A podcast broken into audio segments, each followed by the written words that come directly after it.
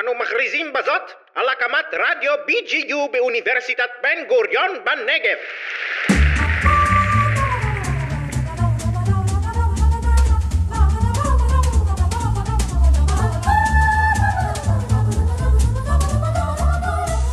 שלום וברוכים הבאים לפרק השמיני של המוניציפוד, הפודקאסט המוניציפלי הראשון, וככל הנראה גם האחרון. אני אייל נזרי, ולצידי מגיש את הפרק, המוניציפל האסימפטומטי, דביר שט. שלום דביר. מה העניינים? טוב, תודה, מה שלומך? בסדר גמור. לא היינו פה קצת זמן, אבל אה, אני שמח שאנחנו מקליטים את הפרק הזה. נכון, שיקולי קורונה, אבל הנה, אנחנו חוזרים ובעצימות גבוהה. לגמרי, ואפילו לא בזום. כן. אז מה התחדש? אה, תראה, התחדשו כמה דברים, אבל אה, בגדול בטח כל הרשויות המקומיות עדיין מתעסקות בקורונה, שזה הגיוני, ובהשלכות גם הכלכליות וגם החברתיות שלה. אה, אבל הפרק הזה דווקא החלטנו שאנחנו נעסוק במשהו שתכננו כבר הרבה זמן להתעסק בו, וזה אה, בעצם הישות הזאת שנקראת מועצה אזורית. זה חלק מהשלטון המקומי בישראל, זה, מועצות אזוריות הן תופסות פחות או יותר 85% משטח המדינה. בעצם אנחנו מדברים אה, על הרשויות המקומיות במדינת ישראל, אז הן מחולקות לעיריות, למועצות מקומיות נכון. ולמועצות אזוריות, נכון. שהן לדעתי 54 מתוך ה-257 נכון, רשויות. 54 מועצות אזוריות, 8% מהאוכלוסייה. אה, יש לנו אורח מכובד שאנחנו עוד מעט נציג אותו. אה, אתה רוצה לפני זה לספר קצת מה עבר גם עליך? אה, כן, נעדכן אה, בקצרה, זה היה קצת בתקשורת, בעיתון, ברדיו, אה, אבל כפי שחלקכם יודעים, אני כיהנתי בתפקיד של מנכ"ל מועצה אזורית אל-קסום. איפשהו בסוף חודש מרץ האחרון תקפו אותי במשרד, שלושה רעולי פנים, אירוע מאוד לא נעים, היה, איזו תקופה קצת משברית, אבל זה מאחורינו. אה, וסיימתי שם את התפקיד, אה, ואני חושב שבזה נסיים לדבר עליי. בסדר גמור. אה, אז קודם כל, רק בריאות במקרה הזה, ו... ואני מקווה שהמקרים האלה לא, לא ישובו. זה אירוע שאי אפשר להקל בו ראש, זה אירוע חמור ביותר, ואני מאוד מקווה שמי שעשה את זה גם ישלם את המחיר על זה. אה, אבל אוקיי, סיימנו אה, מה שנקרא לדבר על הנושא הזה, בואו נדבר על הנושא שלשמו התכנסנו. על מועצות אזוריות, על נושא מועצות הרבה יותר אזוריות. שמח, ונגיד בדיוק. שלום רב לאורח שלנו, עודד פלוט, שהוא לשעבר מנכ"ל המועצה האזורית אה, שער הנגב, היום מנהל את קיבוץ אה, חצרים, עודד ניהל את המועצה למעלה מעשור, עסק במגוון רחב של תחומים, ועליהם אנחנו נדבר היום. שלום- שלום עודד. שלום רב, בוקר טוב. בוקר אור, אנחנו מאוד שמחים שהצטרפת אלינו. אה, אני הייתי שמח אם, אה, אם אה, נתחיל במספר משפטים שלך על המודל הזה של מועצות אזוריות, המאפיינים שלו, אתגרים שהוא עומד, שעומדים בפניו. כן, אז כמו שציינתם, המועצות האזוריות הן, אה, מבחינה מספרית, אה, כשמדובר על מספר תושבים, מדובר במספר אה, יחסית קטן לערים, אבל מצד שני בשטחים מדובר על שטחים גדולים, והמועצות האזוריות בעצם מכסות את היישובים הכפריים, ומשמשות כאיזשהו טווח ביניים שבין המדינה, מוסדות המדינה לבין התושבים, ובין הנהלות היישובים. ומבוססות בעצם על מה שאנחנו קוראים השלטון הדו-רבדי, שהוא בעצם אה, אה, המועצה האזורית שנותנת מעטפת לניהול היישובים. בתוך כל יישוב יש את הסמכויות והאחריות שכל יישוב יכול אה, לנהל ולהוביל, והמועצה שנותנת את המעטפת הכללית. אני חושב שאפשר להגיד שהמעמד של המועצות האזוריות נמצא בתהליך התחזקות מאוד ברור. לפני אה, 30 שנה היו בוחרים ראש מועצה, רק מי שהסכים לקחת את התפקיד בערך. והיום כמובן שהתמודדות על להיות ראש מועצה היא התמודדות משמעותית, כי התפקיד הוא מאוד משמעותי, האחריות היא מאוד משמעותית. חלק גדול מאוד מההתנהלות של המדינה עובר בעצם דרך המועצה האזורית. אה, בהקשר של השלטון הדו-רובדי, רציתי, אם תוכל בבקשה להתעמק בנושא של אה, איך בעצם זה לנהל יישובים, שאין לך בהכרח קשר ישיר איתם, אלא יש איזשהו גורם מתווך, שזה נקרא הוועדים המקומיים, ואיך אתה רואה את האינטראקציה אה, הפוזיטיבית שיש בין שני הגופים האלה, המועצה והוועדים. כן. היישובים הכפריים, צריך להגיד, בעצם מנוהלים בשני צירים שונים. הציר אחד זה הציר הזה שאתם מציינים, שהוא עובר משרד הפנים, דרך המועצה ודרך הוועד המקומי לתוך היישוב, והציר השני הוא בכלל הציר שיושב באגודות השיתופיות, שהוא מול, אם תרצו, רשם האגודות השיתופיות, וההתנהלות היא אחרת, באמת יש איזו אינטראקציה די מורכבת בתוך היישובים בין הישות, נגיד, המשרד הפנימית של הוועד המקומי, לבין הנהלת האגודה, או האגודה הקהילתית, או האגודה החקלאית שמנהלת את הקיבוץ, סלש מושב. את הנכסים, את כל המכסות בדיוק. מים והקצאות. ולכן יש דברים שהם כאילו בעצם במגזר הפרטי, שלא עוברים דרך המועצה. אבל, אה, ואז באמת מאוד מאוד תלוי במועצה, בסגנון הניהול הדו-רבדי שלה, עד כמה היא מרגישה שהיא צריכה להיכנס פנימה. יש מועצות שאומרות, אנחנו מנהלות את הסיפור עד קו השער, שער היישוב, משם פנימה, זה רק אם פונים אלינו צריך התערבות שלנו, או דברים רגולטוריים. ולעומת זאת, אה, מועצות אזוריות אחרות שאומרות, אה, כל מה שקורה אצלכם הוא מענייננו, מעניין אותנו, אנחנו רוצים להיות מעורבים, רוצים להיות שותפים, ומחפשים את האיזון בעד כמה המועצה האזורית מתערבת וכמה הקיבוץ או המושב עושים את זה לבד. זאת אומרת, יש שונות אה, משמעותית בין מועצות אזוריות במידת העצמאות הניהולית שהן מאפשרות ליישובים. נכון, יש שונות מאוד גדולה גם בין מועצות אזוריות וגם בתוך מועצות אזוריות יש שונות בין ההתנהלות מול היישובים בהתאם למבנה, לצרכים, לחוזק היישובים. יישובי. ובדיוק על, ה, על הדבר הזה אני רוצה לשאול את השאלה הבאה. אנחנו דיברנו ארוכות בפרקים הקודמים על השונות בין הרשויות המקומיות אה, במדינה, וכשזה קורה בתוך אותה רשות אה, מקומית, אז אני חושב שההשפעה של זה הרבה יותר דרמטית. אנחנו בעצם מדברים, אולי רגע, מועצות אזוריות, הן כוללות בתוכן מספר של יישובים, זה משתנה מאוד, יש שונות גם בקרב המועצות נכון. האזוריות. אני גר במועצה אזורית מטה יהודה, אני חושב שהיא השיאנית במספר היישובים. 57 יישובים. 57 נכון. אה, מושבים, קיבוצים, שכוללים, אגב, אה, תראו, יש שם מושב, קיבוץ, ויישוב דתי, כן, ויישוב... קהילתיים. וכפר, וכפרים ערביים יש לנו שניים. אה, והאתגרים של כל אחד מהיישובים האלה, ואופן הטיפול בתושבים, וגם השירותים שאתה נותן להם, אם מדברים אפילו על אה, מופע תרבות, אז זה שונה מאוד בין, ה, בין היישובים. ובאמת על הפער הזה רציתי לשאול, דווקא בכובע הקודם שלך, כמנכ"ל של מועצה אזורית, שגם מאופיינת בשונות בין היישובים שלה, איך בעצם מצליחים לגשר על הדבר הזה? איפה זה פוגש בעוצמות היותר גבוהות? כן.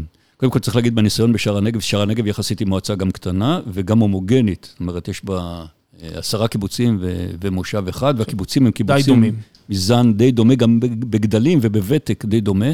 אבל למשל, אה, אם אנחנו מדברים על שער הנגב, על אה, גבול עזה, אז שם יש שונות מאוד גדולה לגבי הקרבה לרצועת עזה, והנה, שונות שיוצרת אתגרים אחרים, איומים אחרים, משאבים בסדרי גודל אחר שהמדינה מזרימה הנחות מס וכן הלאה, והנה כבר קו שחוצה בין אה, אה, נחל עוז שיושבת ממש קדימה לבין רוחמה שיושבת ממש אחורה, וגם את זה צריך לנהל. אה, זה נכון שבאמת, אבל גם כשאנחנו עוסקים בדברים אחרים, בדברים כלכליים או בדברים חברתיים, יש הבדל בצורך של היישובים וגם במידת המעורבות של, של המועצה בתוכם. זה מקור למתח לא קטן. אה, בכלל צריך אולי נדבר על זה, על האופן השלטוני שבו מנוהלת מועצה אזורית, שלהבדיל מעיר. אה, מליאת המועצה היא לא מורכבת מקואליציה ואופוזיציה, בעצם לכל אה, נציג מכל מהיישוב, לפעמים יש נציג אחד, לפעמים יותר מכל יישוב, נכון. יש זכות הצבעה, ובעצם לכל הצבעה אתה בעצם צריך לייצר את הקואליציה משלה, כדי, כדי להעביר אותה. נשאלת השאלה, לכאורה זה אמור היה להיות משהו בלתי אפשרי לניהול, נכון. איזה משהו לא מתפקד, ואנחנו רואים שבאופן אה, די מפתיע, האיכות השלטונית במועצות אזוריות נחשבת לאיכות גבוהה, יחסית לרשויות אחרות. נכון, יותר מבעיריות. יותר מבעיריות. אולי זה באמת בגלל שאין שיוך מפלגתי, אלא דווקא שיוך אה, לאינטרס משותף כל פעם, שאולי משתנה, אבל יכול להיות שזה באמת מאפשר לנהל בקלות יותר, אה, או באפקטיביות. נכון, אז אני חושב שמה שמאפשר את הדבר הזה ואת האיכות השלטונית הזאת שדיברנו עליו, אחד, זה באמת להגיע למצב של, אה, של ראש מועצה דומיננטי, מוביל, אה, זה מאוד משפיע, זאת אומרת, ככל שהוא יותר חזק ותופס יותר עוצמה, היכולת שלו להעביר החלטות. החלטות. ודבר שני, זה בכל זאת, בסוף צריך להיות איזה סוג של איזון. זאת אומרת, אתה מוכן לשלם יותר ארנונה במקרה הזה, כי אתה יודע שבהצבעה קודמת או בהצבעה הבאה, היישוב שלך ירוויח באיזשהו אופן. אה, אז אתה, אתה, אם מצליחים לשמור על האיזון הזה, וכנראה שמצליחים, כי בסך הכל, בסך נכון, הכל זה עובד. זה עובד. אז, אז הדבר הזה עובד, אבל הוא מאתגר והוא מעניין. השונות הזאת היא נוכחת כל הזמן, צריך לדעת לנהל אותה. זה דורש להיות בקשר אה, יחסית הדוק בין, אה, בין הרשות לבין היישובים, אבל מסתבר שזה יכול לעבוד. אני חייב להגיד שבהקשר הזה אני רואה דווקא את הנקודה החיובית, שההצבעות הן תמיד ענייניות. זאת אומרת, לא מצביעים מהפוזיציה אם אני בקואליציה או באופוזיציה, אלא באמת לטובת העניין, במקרים מסוימים כמובן שלא, אבל זה... תראה, אי אפשר להגיד שאין פוליטיקה במועצות אזוריות, בוודאי שיש פוליטיקה, ולפעמים יש הרבה פוליטיקה. אני בא ממועצה בשער הנגב, או המועצה הנוכחית שבה אני נמצא, של בני שמעון, שהן באמת נחשבות למועצות שהחלטות בהן מתקבלות בצורה מאוד עניינית. אני יודע שבמקומות אחרים יש פוליטיקה, אבל פוליטיקה היא חלק מהמשחק. אגב, בכל מועצה ובכל רשות, אפילו בתוך יישוב, יש פוליטיקה. בטוח. זה חלק מהעניין, ובכל מקום שיש בו משאבים שצריך אה, לחלק אותם, יש גם פוליטיקה כזאת נכון. או אחרת. ואני רוצה מהמבנה השלטוני באמת לעבור לאתגרים המשמעותיים שניצבים בפני המועצות האזוריות. אני רוצה אה, שניגע בהתחלה בנקודה שנוגעת לקרקעות. נדבר קצת על המאפיין של הקרקעות במועצות האזוריות, על האתגרים, ועל ההתפתחות העתידית, על האוכלוסייה המשתנה ועל ה... על ה, על ה, בעצם על הצומת שהמועצות צריכות לבחור, היישובים, ואחר כך גם המועצה עצמה, לאיזה כיוון הן מתפתחות ומה יהיה איתן בעתיד.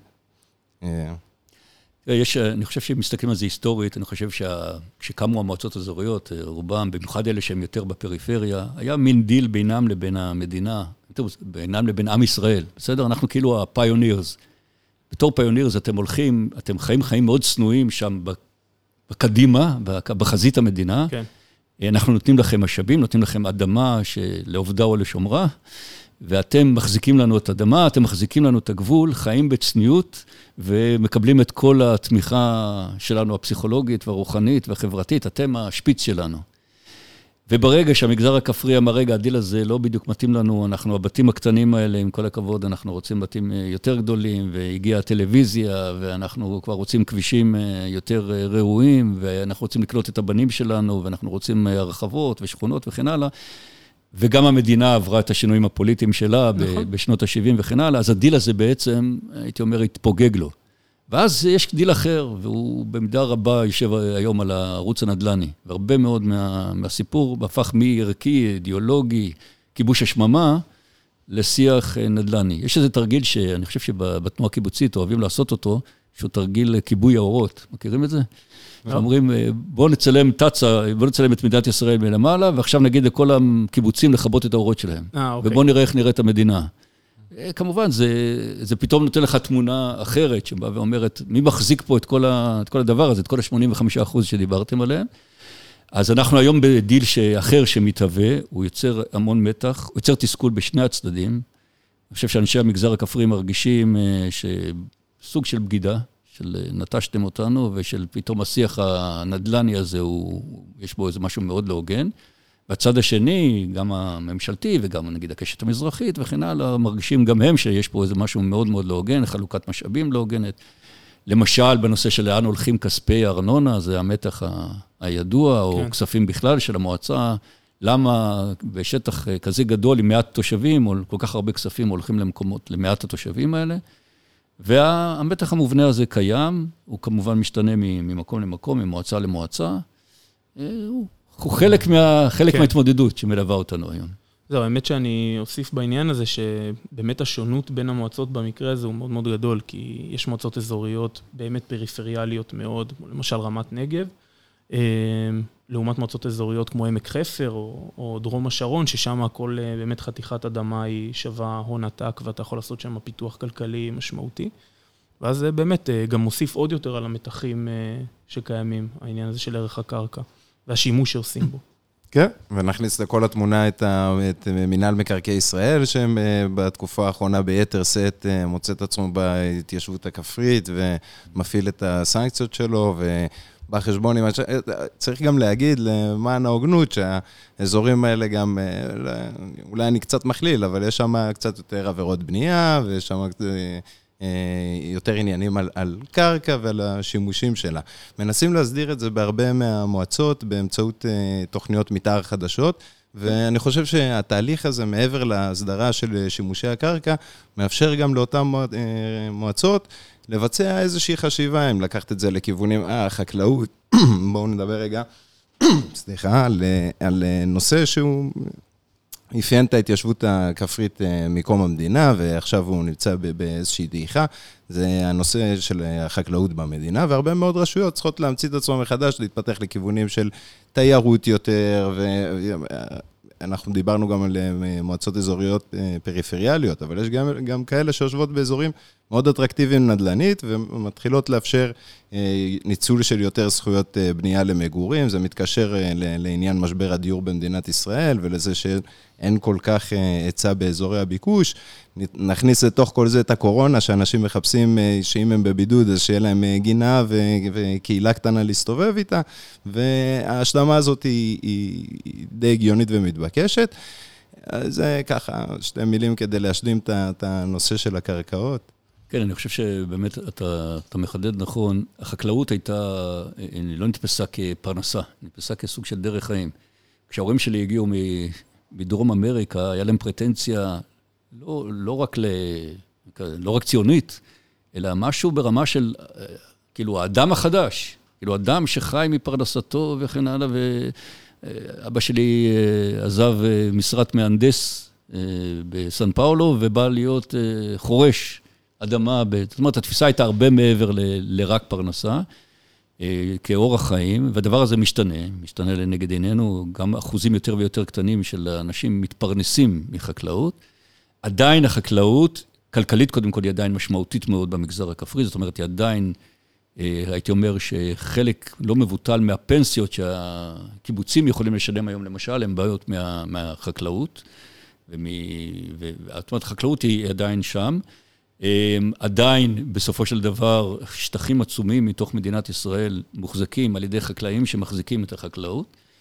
ועם זאת, ברגע שמתחילים להתבונן על זה מהזווית רק הכלכלית והכדאית וכן הלאה, ומכסות ויבוא והצרכן וכן הלאה, אז העסק הזה נעשה יותר ויותר מורכב, יותר ויותר מתוח, וזה חלק מהמורכבות שאנחנו נמצאים בה היום. אתה רוצה לשאול על ענייני קהילה או ש... אני הייתי רוצה, ברשותכם, רגע לעבור לכובע היותר חדש של עודד, ולדבר רגע על... אה, היום אתה בעצם מנהל את הקהילה בקיבוץ חצרים, ורואה את השלטון הדו-רובדי עכשיו מהצד השני, חווה אותו, ואני רוצה לדבר גם על, אה, על מאפייני הקיבוץ. ועל האופן שבו הוא מתאים את עצמו ל, ל, לתקופה הנוכחית, וגם על השוני ב, מלנהל את זה ברמה של כמה יישובים, ללהתרכז ביישוב אחד ספציפי, ולראות איך ניתן לפתח אותו, ועם איזה מתחים הוא מתמודד, ב, ב, אם נרד עוד צעד במיקרו. אז קודם כל צריך להגיד שהתנועה הקיבוצית, כמו כל, ה, כל המגזר הכפרי שדיברנו, נמצאת בהשתנות ובהתהוות מחודשת. הבשורות הטובות היא שהקיבוצים חזרו להיות אטרקטיביים. אטרקטיביים בכלל לאוכלוסייה בישראל ואטרקטיביים לבניהם. זה דבר ממש לא מובן מאליו. לפני 20 שנה היה תחושה שהסיפור הזה נגמר. אה, הדרך הייתה one way החוצה. היום יש רשימות המתנה. והיום יש רשימות המתנה אה, ארוכות. אה, למשל, בקיבוץ שלי, בברור חיל, הוציאו 20 ומשהו מגרשים להגרלה, ויותר מ-200 משפחות התמודדו עליהם. זאת אומרת, אבל זה הרבה מאוד בזכות היכולת של הקיבוצים להשתנות. תרצו היכולת, תרצו לקרוא לזה ההכרח כן. של הקיבוצים להשתנות, ולהפוך את עצמם ליותר רלוונטיים ויותר אטרקטיביים. עדיין בתוך התנועה הקיבוצית יש איזשהו אה, מנעד אה, ברמת השיתופיות, אם תרצו. אה, המדינה מכירה בשלושה, אבל בעצם מבחינתנו הוא רלוונטי עם שני סוגי קיבוצים. קיבוץ מתחדש, שזה כבר רוב הקיבוצים היום, שזה קיבוצים עם רמת הפרטה הרבה יותר גבוהה. והקיבוץ השיתופי, הקיבוץ שאני גר בו הוא קיבוץ מתחדש, ברור חיל, והקיבוץ שאני עובד בו, מנהל בו את הקהילה חצרים, הוא קיבוץ אה, שיתופי. הייתי אומר שבמבחן היפני, זאת אומרת, אם יבוא יפני לשני הקיבוצים האלה ויסתכל, אני חושב שהוא יגיד שמדובר בניואנסים. בסוף, באמת בראייה גוללת, תגיד, בסדר, אז פה יש חדר אוכל ופה לא, ופה אמצעי ייצור הולכים לפה ופה. זה נראה ומריח ונראה פחות או יותר אה, אותו סטייל, אותו דבר. יש בתי ילדים, יש, יש חדרי אוכל, יש מועדון, יש בריכה. אה, אז במבחן של היפנים, אבל במבחן של הקיבוצים זה נראה לפעמים נורא דרמטיים. אתם יודעים, הקיבוצים התפלגו על, אה, על רקע של אה, קשר לסטלין, בעד כן. או לא, זאת אומרת, אז, אז גם זה נראה הרבה פעמים בפנים מאוד דרמטי. אז אני חושב שהאתגרים היום המרכזיים בקיבוצים הם באמת להסתגל, להסתגל למציאות החדשה, להתאים את עצמם, כל אחד לפי ה... הבחירות הערכיות שלו ולפי הנורמות שלו והתפיסות הניהוליות והארגוניות שלו. אמ, אז זה מאתגר, אני אומר, כמישהו שבא אחרי שהייתי מנכ"ל מועצה אזורית, לבוא לנהל קיבוץ, אפשר היה לחשוב לכאורה שיש בזה משהו שהוא פחות מאתגר, יותר פשוט. לא, יש לזה את המורכבות ואת העניין הרב משלו, והכל כמובן פונקציה גם של היישוב וגם של המנהל שמגיע כן. ו- ומתמודד עם זה. האמת שיש פה גם אסטרטגיה וגם המון המון טקטיקה ו... נכון, וככה... נכון, ויש פה באמת את שני המישורים, יש את המישורים המערכתיים, ואחר כך יש את המאוד, הרבה מאוד את המישור האישי בסוף. בסוף יש אלף בני אדם, כל אחד עם הסיפור שלו, כל אחד עם הצרכים שלו, כל אחד עם העניין שלו, ואתה עסוק ברמות האלה, וגם אני חושב שכמנהל קהילה, אתה עסוק ברמה הקודמת שדיברנו. זאת אומרת, אתה עסוק גם בחיבור לעולם החיצוני, למועצה האזורית, למדינה, לצרכים שלה. לתובנה שהחוק לא נעצר בשער הקיבוץ, אלא כן. הוא ממשיך אה, פנימה. אתם מכירים את הסיפורים בעבר של אה, סוגרים כל מיני דברים קודם ולא פונים למשטרה, נכון. את הסיפורים האלה של מה קורה בנושא תחבורה, שבתוך הקיבוץ מותר לשים את הילד על הברכיים בזמן שאתה נוהג, ואת הבתים שאין להם, לא תמיד, מותר לי לפרוץ מרפסת, כי, כי אני חושב שזה טוב. כל מיני דברים שהיו נהוגים ובאמת המדינה לא, לא נכנסה למקום הזה, והדברים האלה משתנים. וחלק מהעניין הוא להפוך לאזרחי ישראל אה, מן השורה. כן. מבחינה הזאת, אגב, הקורונה, היא, כיוון שהיא חותכת לרוחב בלי הבחנה, mm-hmm. גם היא מייצרת איזו תובנה, היא בהפוך על הפוך מחזקת את התובנה של אה, כולנו פה ביחד, באותו מקום, באותה מדינה, ומשפיעים אחד על השני. גם אם אני חבר קיבוץ, אני הולך לקנות בסופר ואני חוזר, ואם יש לי קורונה... אז אני מדביק את שאר החברים. כן. אפרופו הנושא הזה, אני רוצה לדבר באמת על אה, מתחים בין, בין התושבים אה, במושבים ובקיבוצים. רוצה להתייחס לזה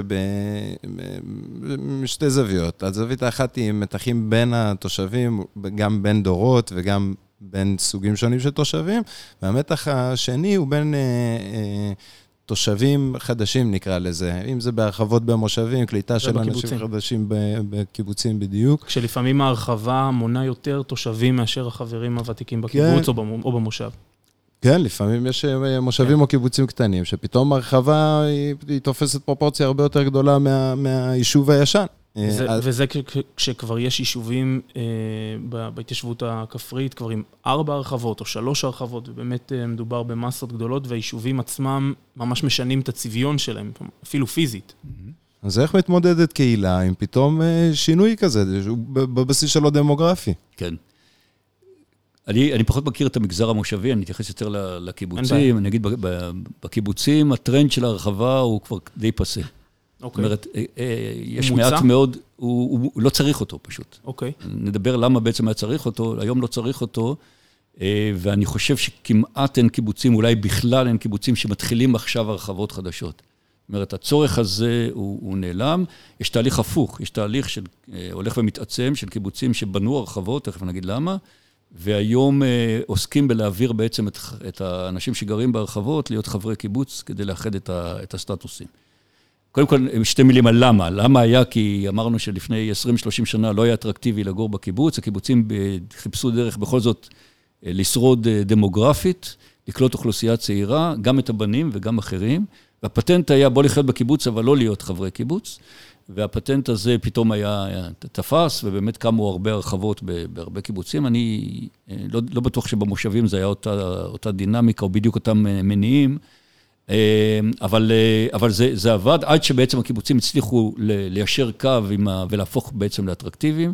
אני אומר, ליישר קו זה בעיקר ברמת ההפרטה שאפשרה בעצם לקיבוץ לחזור להיות אטרקטיבי, וגם התהליכים שקרו בחוץ במדינה, שהתחילו לדחוף את ערך הנדל"ן וכן כן. הלאה, שהתחילו לדחוף בחזרה את, ה, את הבנים ואחרים לחפש אה, את המענים הכפריים. אנחנו יודעים מה יש ליישובים הכפריים להציע ברמת איכות החיים, החינוך, הביטחון וכן הלאה, ובהדרגה זה בעצם מתייתר הצורך לעשות סטטוס אחר.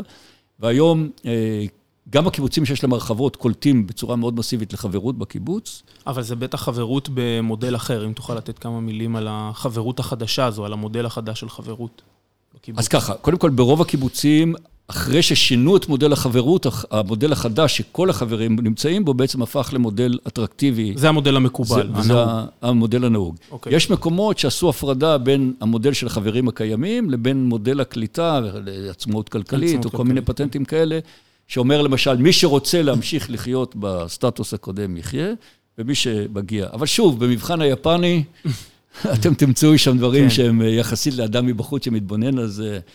הבדלים שוליים מאוד. הבדלים שהם לא באמת אה, דרמטיים. בסוף כולם חיים באותה קהילה ובאותו מקום, וכן שותפים, אלא יש להם מניות, אין להם מניות, בעיניי זה לא זה לא הדרמה הגדולה.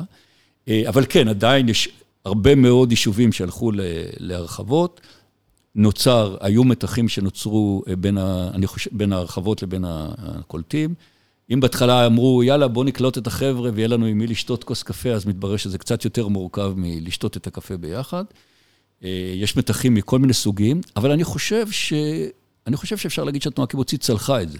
זאת אומרת, בסך הכל המצב הזה, הוא הגיע, בהתחלה היו המון רעשים והמון בלאגנים, עוד יש פה ושם, אבל בסך הכל למדו לחיות ביחד, מצאו את הפטנטים, את האגודה הקהילתית, שכוללת את כל, ה... את כל תושבי המקום, כולל חברי הקיבוץ, ובסך הכל מצאו איזשהו איזון. אה, שמאפשר להתגבר על, ה, על, ה, על הריח של כן. הלול, של חברי הקיבוץ, שמשפיע על אלה שגרים ברחבה, ולמצוא את, ה, את הפתרונות. וההוכחה לכך היא שכשאתה בא היום לתושבי הרחבות ומציע להם להתקבל לחברות בקיבוץ, לא יודע אם לרובם, אבל להרבה מהם זה כבר לא הצעה מופרכת. מה שאם היית מעלה את זה לפני 15 שנה, זה נראה רעיון אתה השתגעת להציע... אגב, בעיקר אצל עוזבי קיבוצים אחרים. זאת אומרת, mm. מי שעזב קיבוץ, אתה אומר לו, בוא תיקלט כחבר קיבוץ בקיבוץ החדש שנקלטת בהרחבה, הוא יגיד לך, לפני 15 שנה זה היה נשמע רעיון חסר אה, בסיס כלשהו, והיום יש על מה לדבר, כנראה שהקיבוצים הצליחו.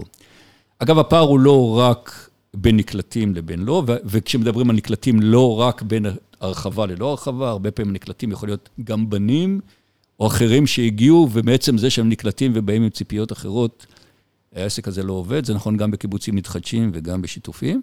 והפערים יכולים להיות פערים אחרים. כמו שאמרת, פערים בין דורות, לפעמים יש אינטרסים שונים. אמ, יש קיבוצים שלמשל כשעושים בעסקים אקזיט ומחלקים את הכסף, הכסף מתחלק לפי ותק הרבה פעמים, וזה יכול ליצור, ליצור מתח אה, כלכלי, כספי. אה, יש אינטרסים שונים אה, ואחרים, יש תפיסות אידיאולוגיות שונות של הקיבוץ, איך הוא צריך להיות, מידת השיתופיות יכולה להיות בוויכוח. זאת אומרת, המתחים האלה קיימים, וכמו כל חברה, צריך לנהל את זה. הייתי אומר שבתוך המגזר הכפרי, הוויכוח יותר בסגנון משפחתי. זאת אומרת, כשרבים, רבים כמו משפחה, כן. וכשמסכימים, מסכימים כמו משפחה. ועושים את זה בדיבורים, ועושים את זה במפגשים, הרבה פעמים פיזיים, עד הקורונה לפחות. כן. אה, אז, אז יש בזה משהו שהוא, שהוא בתוך המשפחה לטוב ולרע, הדיונים האלה מתקיימים. והדיונים, שאלה על הפיקנטריה בתוך זה, הדיונים עדיין כמו פעם, בבית העם, מתיישבים כל החברים באספה ומחליטים על עתיד היישוב? פחות, פחות. אני חושב שהאספות כלליות אה, בקיבוצים, הם אה, מגיעים אליהם בדרך כלל לא רבים, אלא אם יש משהו מאוד מאוד חם. בדרך כלל האספות עצמן לא מגיעות, הצבעות מתקבלות בקלפי בסופו של דבר. אבל הדיונים הציבוריים, בין אם במפגשים פיזיים ובין אם בוויכוחים בערוצי התקשורת הפנימיים למיניהם, מאוד חמים, מאוד קיימים, אה, והם, את יודעת, זה, זה חלק מההוויה של, של חיים בקהילה כפרית. זה נכון להגיד שפשוט התושבים שם הרבה יותר מעורבים מהתושב בעיר, בדלת אמותם. נכון, א', כי, כי זאת, זה התרבות, זאת תפיסת עולם, וב', זה גם ההחלטות אולי משפיעות עליהן בצורה יותר ישירה, כן. בוודאי כשמדובר על קיבוצים שיתופיים, ששם... אה, יש לזה ממש משמעות כשאתה מדבר על... אה, כספית. תקציב השתלמויות, אז כן. בסופו של דבר, אם אתה רוצה ללמוד, זה מאוד ישפיע עליך. ברור. מה, מה התקציב ומה הקריטריונים. כן. טוב, אנחנו, האמת שצריכים לאט לאט להתכנס לנו לסיום הפרק, אבל הייתי רוצה שתתייחס לאיך אתה רואה את עתיד המועצות האזוריות. אה, בעיקר בהיבט של, אה, אתה יודע, יש היום מודלים שמדברים עליהם של איחוד של מועצות אזוריות עם ערים ולייצר מה שנקרא מועצה חבלית או עיר עירונית. Mm-hmm. איך, מה דעתך על זה ואיך אתה באופן כללי רואה את עתיד המועצות האזוריות? אמ, נעשה תהליך אסטרטגי במרכז המועצות האזוריות לפני בערך עשר שנים, ועשו שם איזה מיפוי של גם אמ, איך רואים את ה... בעיקר אה, ראשי מועצות והנהגות המועצות, איך הם רואים את המציאות. והתברר שם שבניגוד למה שחשבו, שבעצם אה, ראשי מועצות רוצים להיות ראשי ערים. אמרו, אל תבלבלו את המוח עם הדו-רבדיות הזאת, עם היישובים. תנו לי לנהל את הדבר הזה, לא צריך את כל הבלגן הזה, למה אני צריך את כל הבלגן הזה בתוך היישובים? ובעצם להתחיל להתייחס למועצה האזורית כמין אה, עיר קטנה, ואז גם מטבע הדברים אולי זה מחזק את החיבור לעיר השכנה, ואולי לעשות משהו ביחד. ובכל הרעיונות שעלו וירדו במשרד הפנים ובדקו את עתיד המועצות האזוריות, הרבה פעמים על הרעיון הזה של אה, לחבר בין... אה, שלעיר יהיה בעצם אגף כפרי, כן. או כל מיני פטנטים כאלה שקיימים באירופה למיניהם וכן הלאה. אני חושב שהיום, לפחות בקרב המועצות האזוריות, יש הסכמה גורפת על שני דברים. אחד, על הצורך כן להפריד, את ניהול המגזר הכפרי מניהול המגזר העירוני, יש לזה קודים אחרים וכללים אחרים וצרכים אחרים ושפה אחרת, וזה דורש סוג של התמחות מוניציפלית תואמת. והדבר השני הוא כן לשמר את הדו-רבדיות. זאת אומרת, אני חושב שיש היום הכרה מאוד רחבה במועצות האזוריות, בניגוד למה ש... לטרנד שהיה עד לפני תקופה מסוימת, שהדו-רבדיות בסך הכל מוסיפה גם לעוצמה וגם לאיכות החיים וגם לדמוקרטיה של, של ההתנהלות בתוך המועצות האזוריות, ולכן כמובן כל אחד ב-level שלו ובאופן שבו הוא מחזק את הדו-רבדיות הזאת ובאופן שבו הוא תופס את זה, אבל הקו לפחות של המועצות האזוריות שאני מתחבר אליו, הוא למצוא, א', כן, את הבידול שבין מועצות אזוריות לערים, כמובן עם הרבה מאוד אינטראקציה והרבה מאוד הסכמות ושיתופי פעולה כן, מתבקשים. בוודאי. והדבר השני הוא, הוא שמירה על הדו-רבדיות, כל, כל מועצה בהתאם לכללים שלה. אני, אני חושב שיש לזה הסכמה רחבה, ואני חושב שצריך ל, להילחם, לשמור, לשמר את זה. זאת אומרת, בעיניך היתרונות של, של הדו-רבדיות ושל ניהול המרחב הכפרי כלא אוטונומי, אבל כ, כישויות עצמאיות ולאו דווקא מחוברות לרשויות, זה בעיניך המודל שראוי להמשיך בו. נכון, אבל עם כוכבית, אני בהחלט, אבל עם כוכבית, שהכוכבית צריכה להיות כל הזמן חיזוק החיבור, גם השלטוני וגם החברתי. זאת אומרת, אי אפשר לחיות באיזושהי התבדלות חברתית, היא צריכה להיות, המעורבות צריכה להיות קיימת. אתם יודעים, לפני הרבה מאוד שנים, אני הייתי שותף בהקמה של גרעין שהיה בין שער הנגב לשדרות, וכבר אז דיברנו, אנחנו מדברים על משהו שהוא כבר למעלה מ-40 שנה, והדבר הזה ממשיך להיות נוכח וקיים, רק בתצורה אחרת. זאת אני חושב שעדיין החיבור הזה הוא, הוא צריך להיות מאוד ברור, מאוד נוכח, מאוד קיים. לצאת, כאילו, אם היה פעם קו אדום מסביב לקיבוצים, אז הוא צריך להיות ורוד מאוד בהיר mm-hmm. בעיניי, אבל עדיין הוא צריך להיות קיים. הבנתי. אוקיי, בסדר גמור. תודה רבה, ומתחבר לעוד שאלה בפינת התחזית. הייתי רוצה לשאול לגבי הגירה. האם אתה חושב שבעוד עשר שנים מהיום, המגמה של תושבים במדינת ישראל יהיה מעבר מהעיר לכפר, או מהכפר לעיר? אם היה יושב פה, אם היו יושבים פה אנשי עירוניות, היו שואלים אותך, אומרים לך, תראה, אנחנו מכירים יישובים של 60 או 70 משפחות, זה בניין בתל אביב. הרבה יותר יקר לספק להם את השירות, צריך להפעיל להם מערך הסעות כדי להסיע אותם ללימודים, צריך לתת שירותים על פני שטחים הרבה יותר נרחבים, זה מייצר הרבה סוגים של בעיות. למה לא לצופף את כל העסק?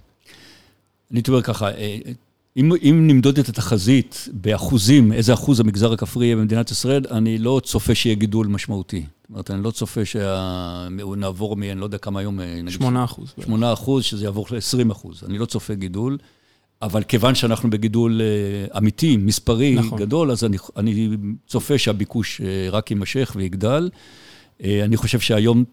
בחלק גדול מאוד מהיישובים הביקוש גדול על ההיצע, ואני צופה שזאת תהיה תמונת המצב. ואז באמת, גם יישובים שיש בהם היום יחסית מעט, בעוד עשר שנים יהיו בהם כבר הרבה יותר, וכבר אולי תהיה הצדקה, גם ליישובים שהיום הם במספרים יותר קטנים. מרתק. תודה רבה, עודד, על הזמן שהקדשת ועל הידע שהוספת לנו. זהו, אנחנו נתראה בפרק הבא. תודה רבה, להתראות. מכריזים בזאת על הקמת רדיו BGU באוניברסיטת בן גוריון בנגב.